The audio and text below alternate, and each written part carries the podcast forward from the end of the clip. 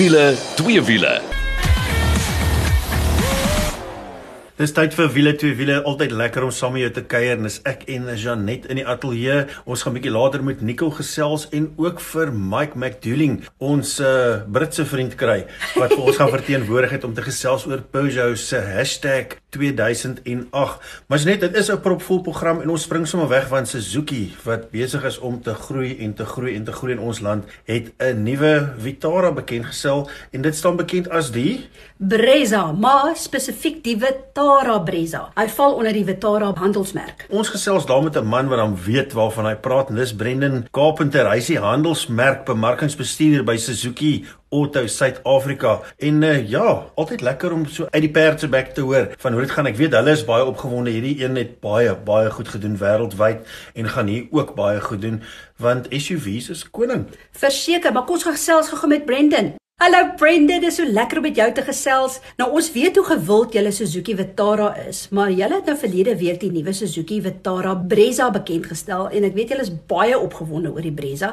Maar die Brezza dra dieselfde naam as Vitara, maar nou is my vraag, wat is die verskil dan tussen Vitara en die Vitara Brezza? Goeiedag Janet, dit is lekker om weer eens met julle te gesels. Nee, ons het nou baie onlangs die Vitara Brezza bekend gestel en ons is baie opgewonde om hierdie model in ons reeks by te voeg. Vir die rede dat hy mooi tussen ons Suzuki Ignis en ook die Suzuki Vitara pas. En ja, hy dra dieselfde naam as sy groter boetie, die Vitara. Die Vitara is eintlik die eerste kompakte sportsnutsvoertuig wat bekend gestel is um so lank terug as 1988. En ons is baie bly dat die Vitara Brezza ook nou die fakkel kan dra van hierdie naam omdat dit so 'n uh, populêre naam is in die Suzuki reeks. Nou die Vitara Brezza is geposisioneer onder die um Vitara en hy begin met 'n prys van 244900 en eindig by die prys van 309900 vir die GLX outomaties en dit laat hom baie mooi inpas as 'n intreevlak Vitara model omdat ons groter Vitara begin by 310000. Ja, 'n mens kan hom half die intreevlak van die Vitara reeks noem, maar baie van sy toerusting en bybehore wat hy het is glad nie intreevlak model nie. Soos kom ons sê al die modelle van die Vitara Brezza reeks het die 7 duim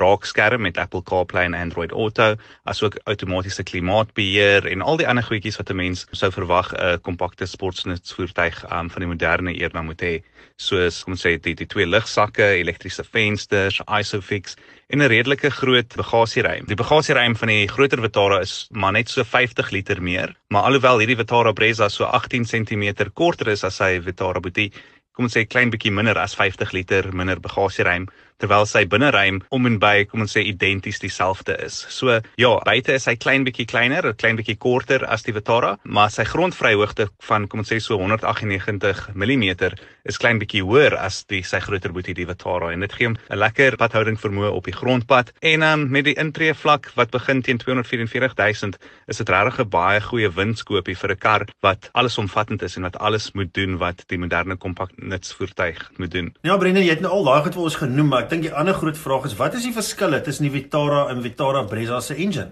As ons dan kyk na die verskille tussen die Vitara Brezza en die Vitara engine gewys, is die Vitara Brezza is al die modelle van die Vitara Brezza met Suzuki se 1.5 liter naturally aspirated engine toegerus. Dis dieselfde engine wat jy in die Jimny vind, asook die Ertiga en die Ciaz en is 'n baie bekende engine wat baie goed bekend is vir sy lae brandstofverbruik en asook goeie berigting van 77 kW en 138 Nm torque.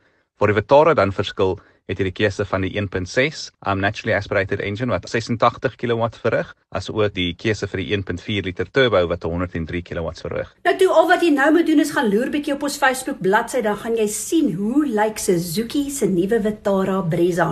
Maar nou eers oor na Peugeot se 2008 kompakte sportnuts. En al wat ek vir jou kan sê, dit is 'n pragtige voertuig. Ja, ek moet natuurlik nou nie dink dis 'n 2008 model nie, dis maar net die naam en dit is Hutsmerk of Hash 2008 of 2008. Gaan loer gerus op hulle webtuiste.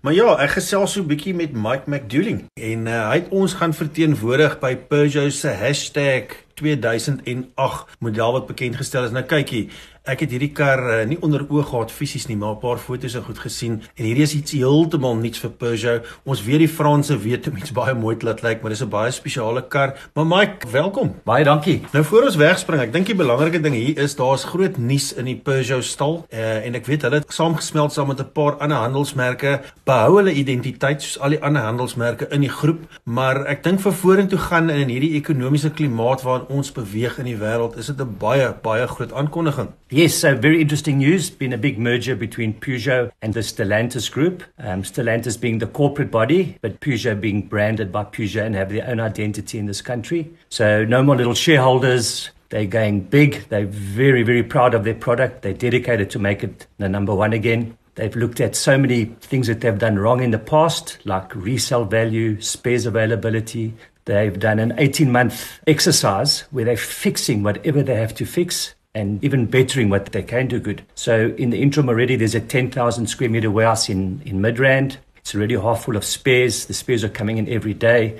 They're distributing to all of the branches in South Africa. Backed by Peugeot, they're in it to win it. They really really are. Dink die belangrike ding hier is as dit kom by sulke um, samesmeltings met ander groepe vir alles kom by jou ontwikkeling en daai goed is dit die geld die hoeveelheid mense. Ek weet daar's oor die 400 000 mense wat vir hierdie groep werk as 'n geheel, maar weer onderstreep, elke handelsmerk behou sy identiteit soos Jeep, Maserati, Opel. Dis maar net 'n paar wat ek kan noem wat in daai groep is. Maar die belangrike ding is en nou moet julle baie mooi terugdink. 'n Ander Franse vervaardiger het dit presies wat Peugeot nou doen baie suksesvol reg gekry in ons land en dit was Renault wat met die dieselfde ding gesit het met parte wat nie altyd beskikbaar was en so aan nie, maar met hierdie tipe ding en dit werk. Kyk hoe goed doen Renault vandag en ons hou net duim vas want ja, hierdie Peugeot is al mooi karre, gelaai met tegnologie. Maar dis nou genoeg oor dit gepraat. Kom ons gesels so 'n bietjie oor hierdie 2008.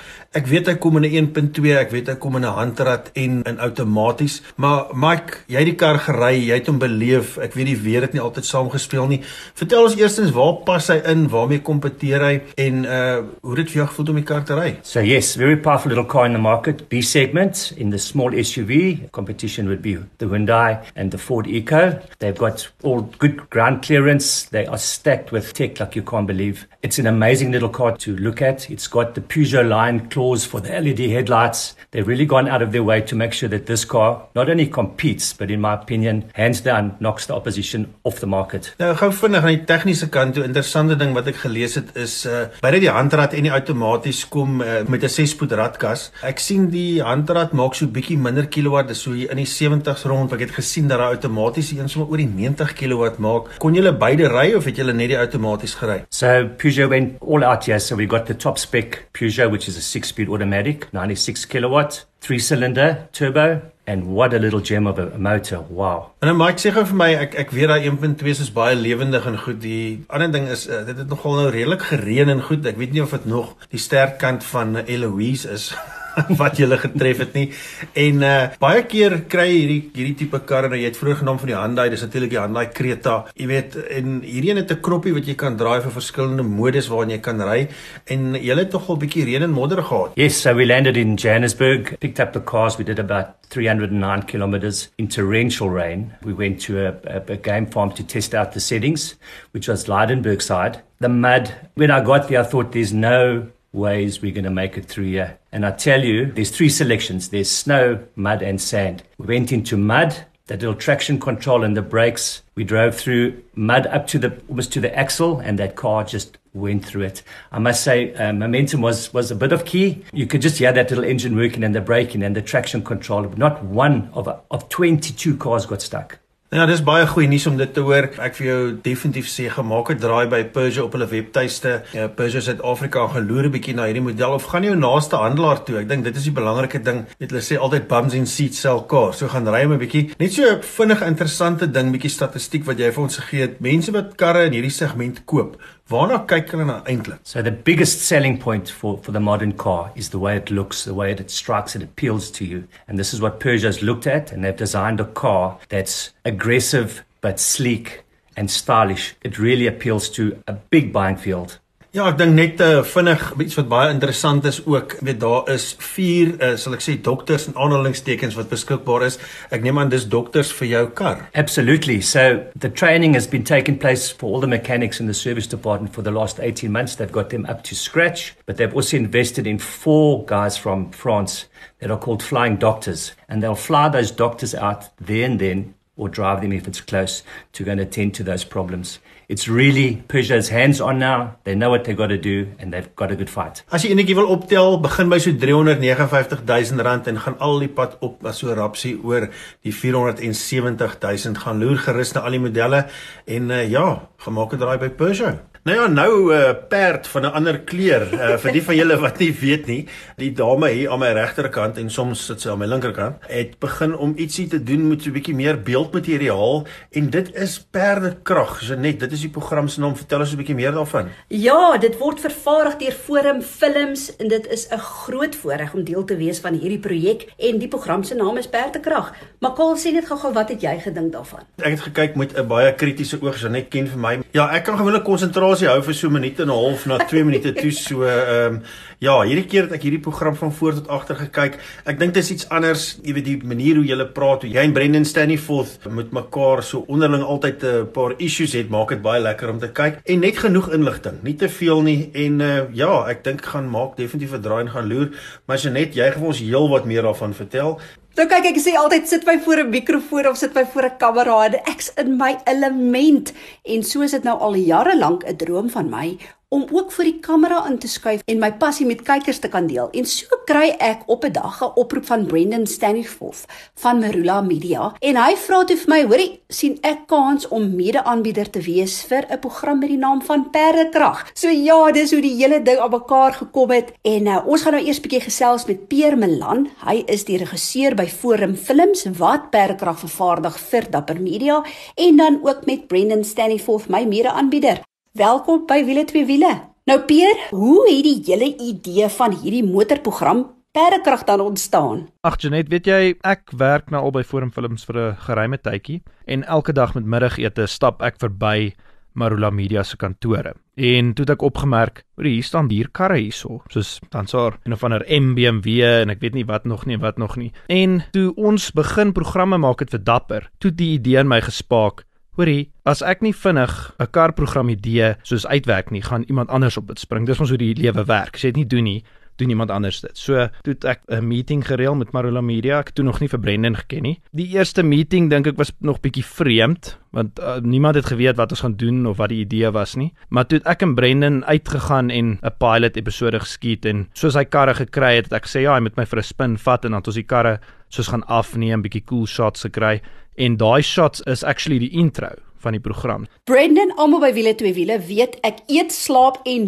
leef wiele. Maar vertel vir ons bietjie wat is jou agtergrond en waar kom jou passie vir wiele vandaan? Janet, toe ek 'n klein laaitjie was, alles gegaan oor wiele. Ek het hom um, sommer op 'n baie baie jong ouderdom, ek dink ek was 4 jaar oud, het ek my eerste kar afgeskryf. Dit was my oom se Colt Galant het ek die handrem laat sak en die kar is agteruit deur 'n muur. As ek reg kan onthou het my ma my daai dag amper doodgeslaan, maar dit is waarskynlik waar dit begin het. Ek het as 'n jong lat 8, 9 jaar oud. My oom was 'n werktuigkundige engines uitmekaar uitgehaal, 'n karre gewerk, my pa het gery soos 'n mal mens. En dit die passie het net nooit weggegaan nie. Dit het baie lank vir my gevat om in die industrie in te breek. My ondervinding lê meer in die advertensiebedryf en so so het ek al om en om en om die bedryf beweeg totdat ek die regte geleentheid by die regte plek gekry het. So Marula Media was vir my daai geleentheid. Ek het dit met twee hande aangegryp en dit is dit. Nou Brendan, sonder om te veel weg te gee, toe, vertel jy nou maar vir ons waaroor gaan die eerste Perdekrag episode? So, wiele twee wiele luisteraars, in die eerste episode kan julle luister hoe ek vir Janet wegry. Ehm, um, maar op 'n meer ernstige noot, daar is twee bakkies twee van die groot groot mededingers in die segment is in die eerste episode. Daar's 'n pylvakren, daar's 'n vreemde man wat ons nog nie mooi weet presies wie hy is of waar hy inpas nie maar dit is um, heeltyd speeltyd. Ja, ja, Brendan was miskien vinniger as ek, maar ek sê nog steeds dit gaan oor die vinnigste reaksietyd. En as jy wil weet waarvoor ons praat, moet jy die eerste episode gaan kyk. Perdekrag is eksklusief beskikbaar op Dapper Media se webtuiste en op hulle YouTube kanaal. Ek gaan daai YouTube skakel vir jou op ons wiele twee wiele bladsy sit om dit maklik te maak. Nou voor ons gaan asem skep, onthou ons het laasweek gesels met Clinton Pinaar. Hy het ons getrek al die pad van Gauteng af na die Parel toe. Hoorie, kan ek net vir jou 'n ding sê. As jy nou al begin dink aan 'n leefstyl landgoed waar jy wil oud word eendag, dan is Groot Parys die plek vir jou. Ja, ek dink die Boland is so 'n spesiale plek. As jy hier van 50 af op is, jy hoef nie eers al afgetree te wees nie, kan jy definitief 'n draai gemaak by Groot Parys. En luister gou hierna. Ek het 'n meisie gaan haal in die Parel. Kom word deel van 'n landelike renessansgebied in die Parel. Op Groot Parys kan 50-plussers op 'n historiese Bolandse plaas kom neskop. Geleë naby alles, wonings met noodfrontliggings, uitsigte en topklas sekuriteit. Verskeie opsies is beskikbaar en met ander berge as ontwikkelaar lê net die beste nog voor. Besoek grootparysestate.co.za vir meer en kom maak Groot Parys jou Bolandse tuiste. Alles laat dink my aan jou.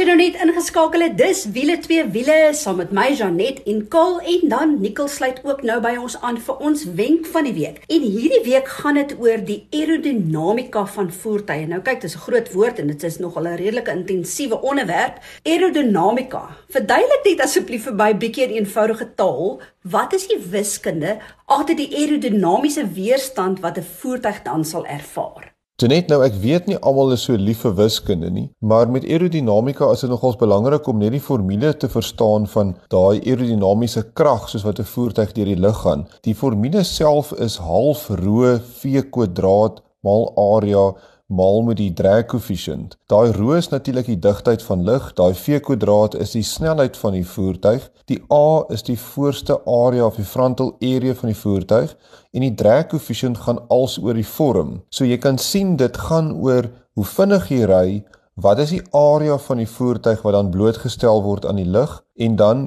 wat is die vorm van die voertuig. Nou Kaal, ek het vir jou 'n vraag. Sê bietjie vir my, wat dink jy is die ideale vorm van 'n kar wat dan nou aerodinamies is. Nikkel, dit moet verseker dan 'n superkar wees, want onthou, hulle is plat en skerp en lyk gevaarlik en is dit nie wat 'n mens gewoonlik sou verwag van 'n baie aerodinamiese voertuig nie. Kaal sou die meeste mense sal sê 'n superkar, maar ongelukkig is dit nie die mees aerodinamiese vorm nie. Daai skerp neus voor mag natuurlik nou baie mooi lyk, maar 'n skerp neus onder die spoed van klank is natuurlik nie baie aerodinamies nie. So 'n superkar het wel 'n klein voorste area, maar daai skerp neus is ideaal nie. Dis hoekom uh die vliegtye, die Boeings ook ronde neuse het en nie skerp neuse soos wat die vegvliegtye het nie. So kom ons kyk gou 'n bietjie na aerodinamiese vorms. As 'n mens 'n reghoek vat, dan is sy aerodinamika se coefficient of drag 2. As 'n mens 'n ronde neus dan vir hom opsit, dan val dit na 1.1 toe. En as mens dan vir hom een van hierdie sterte opsit wat so wigvorm is en ver terug gaan, hulle praat van streamlining, dan raak daai vorm se drag coefficient 0.15. So jy kan sien wat maak nou eintlik dat jy 'n aerodinamiese vorm het. En uh, as ons gaan kyk na voertuie, dan is dit ook baie interessant om te sien hoe voertuie se drag coefficients dan met die jare al hoe beter geraak het. As ons kyk na daai Lotus 7 sportskarretjie, hy het natuurlik daai oop wiele en ons almal weet hoe hy lyk, is 'n lekker dingetjie, lekker pret, maar sy drag coefficient is 0,7. Dan gaan ons af en ons kyk 'n bietjie na iets soos 'n uh, Golf 7. So as kyk na 'n Golf 7, dan is hy al af na 0,27 toe. En dan een van die produksievoertuie met die laagste drag coefficient nog ooit is die Volkswagen se XL1 en uh, hy is 0,189 wat natuurlik uitstekend is. Nico, maar vertel vir ons bietjie watter tipe van kragte praat ons van teen 120 km/h of dan teen 'n topsnelheid en watter tipe van engine krag moet dan gelewer word om daai tipe dinamika te oorkom? Net, dit is 'n baie interessante vraag en ek het bietjie die formule gevat en toe vat ek sommer Toyota se nuwe GR Yaris wat na ons land toe kom. Dis daai warm hatch met 192 kW vierwiel aandrywing en hy gaan die wêreld aan die brand ry as hy kom. Sy drag coefficient is nogals hoog, 0,35. En as ek dan sy frontal area vat en ek druk alles in die formules in, dan kry jy mens dat teen 120 is daar so 614 Newton se windkrag wat dan nou teen hom druk. As ons gaan na sy topsnelheid toe wat gelimiteer is teen tot 230 km/h, dan verhoog daai krag na 2254 Newtonmeter wat natuurlik aansienlik hoër is as teen 120. Dis natuurlik 'n kwadratiese vergelyking, so dis glad nie dubbel as jy die spoed verdubbel nie. As ons kyk na N1 krag, dan is dit nog erger. Dis tot die mag 3. So teen 120 daai jaar is GR het so 20 kW nodig om die windweerstand te oorkom. Teen 230 moet hy al 144 kW uit die een gebruik net om die windweerstand te oorkom. So as daai nou nie vir jou 'n goeie aanduiding is dat hoe vinniger jy ry, hoe meer petrol gaan jou kar gebruik en dan weet ek nie wat dit is nie. So ja, jy kan nou natuurlik nie jou kar se vorm verander nie, maar jy kan die natuurlik goeders verdoen soos byvoorbeeld jou roof racks afhaal en uh, daai tipe van goed om jou kar meer vaartbelyn te maak, maar die beste wat jy kan doen is ry net 'n bietjie stadiger. Nee, ja, dit is baie interessant en ek moet vir jou sê gaan lees maar verder op want uh, Nicole is 'n skerp ou en ek is net ons koppe is baie keer bietjie rond. Ek verstaan die konsep, ek uh, weet hoe dit werk, maar uh, die wiskunde sal ek maar op verneer Lou los. Maar as jy net nou iets baie interessant. Ja, as jy kan onthou, die Dakar 2020 het ons twee dames gehad, Ty Perry en dan Kirsten Landman wat ook deelgeneem het. Die twee Suid-Afrikaanse dames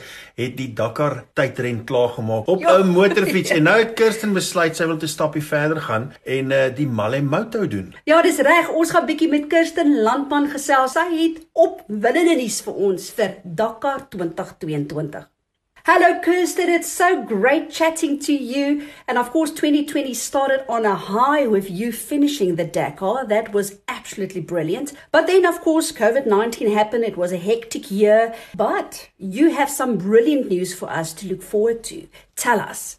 Hi, Jeanette. Thank you so much for having me. So, for all of us, yep, 2020 was one heck of a year. But um, from my side, I started the year off with a bang, got that Dakar in, which was an incredible experience, by far the best and most exciting, exhilarating, emotional thing I've ever done in, in my life. And with us going into lockdown, it gave me a lot of time to think, you know, gave me a lot of clarity of where I am in my life, what I want to do, what I want to do to further my career. And that Dakar bug bit hard, you know, and watching Dakar 2021 also make, gave me even more clarity. So that's why the big decision came to want to go back to Dakar 2022. What made you decide to tackle Malemoto or the original by moto class? So ever since I was a little girl, I've been a huge Dakar fan and I've watched it. And as I've watched it growing up, the main thing that I loved about the Dakar Rally was that sense of adventure. You know, whether it was in Africa, going across Africa, or from Paris to Dakar, and that sense of adventure of crossing borders, going through different altitudes to different terrains. And then obviously when it went to South America, I mean, they went from the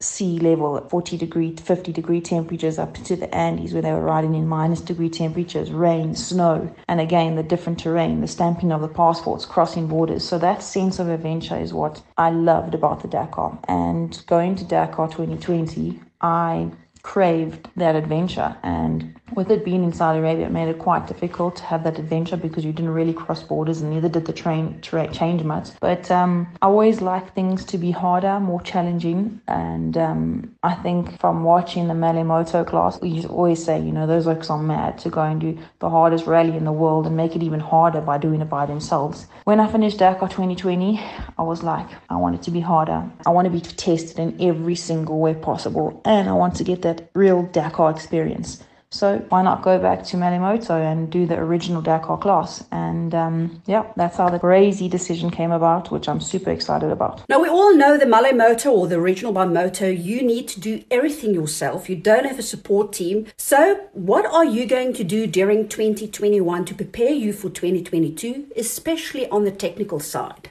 My preparation for the Manimoto class Dakar 2022 will be slightly different. Obviously, my fitness physical will stay the same as it did for my Dakar 2020 preparation, but the biggest side for me now is to learn mechanically how to work on the bike. Electricals on the bike because the rally bikes are really electrical, and just being able to change wheels, change brake pads, drain the engine oil, do small things a lot quicker, and obviously, I need to know a lot more. So, my goal for this year is to become much better mechanically equipped. Kirsten, although you're alone on the motorcycle, it's still a team sport. So tell us, what can our listeners do to support you? I've always said it and always will say it, you know, as much as we are alone on the bike, this is a team sport. And to go back to a race like Dakar, it requires a lot of money and I can't get there without the support of sponsors, donations. You know, even just being at Dakar and having the support of people wishing you well and, you know, having like we did in 2020, we haven't had South Africa backing us, which is a huge support. So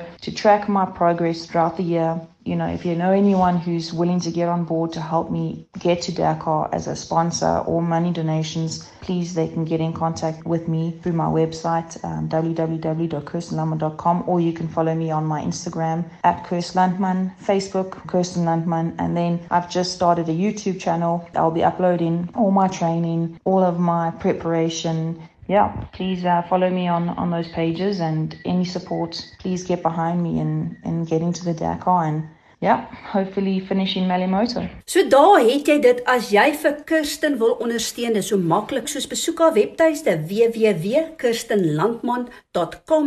Sy's ook op Facebook, sy's op YouTube en as jy enige van hierdie inligting gemis het, gaan loer net na ons Wiele 2 Wiele Facebook bladsy. Nou ja, dankie dat jy saam met ons gekuier het. Dit is die einde van Wiele 2 Wiele en al wat vir jou oorbly is. Hou jou wiele aan die rol.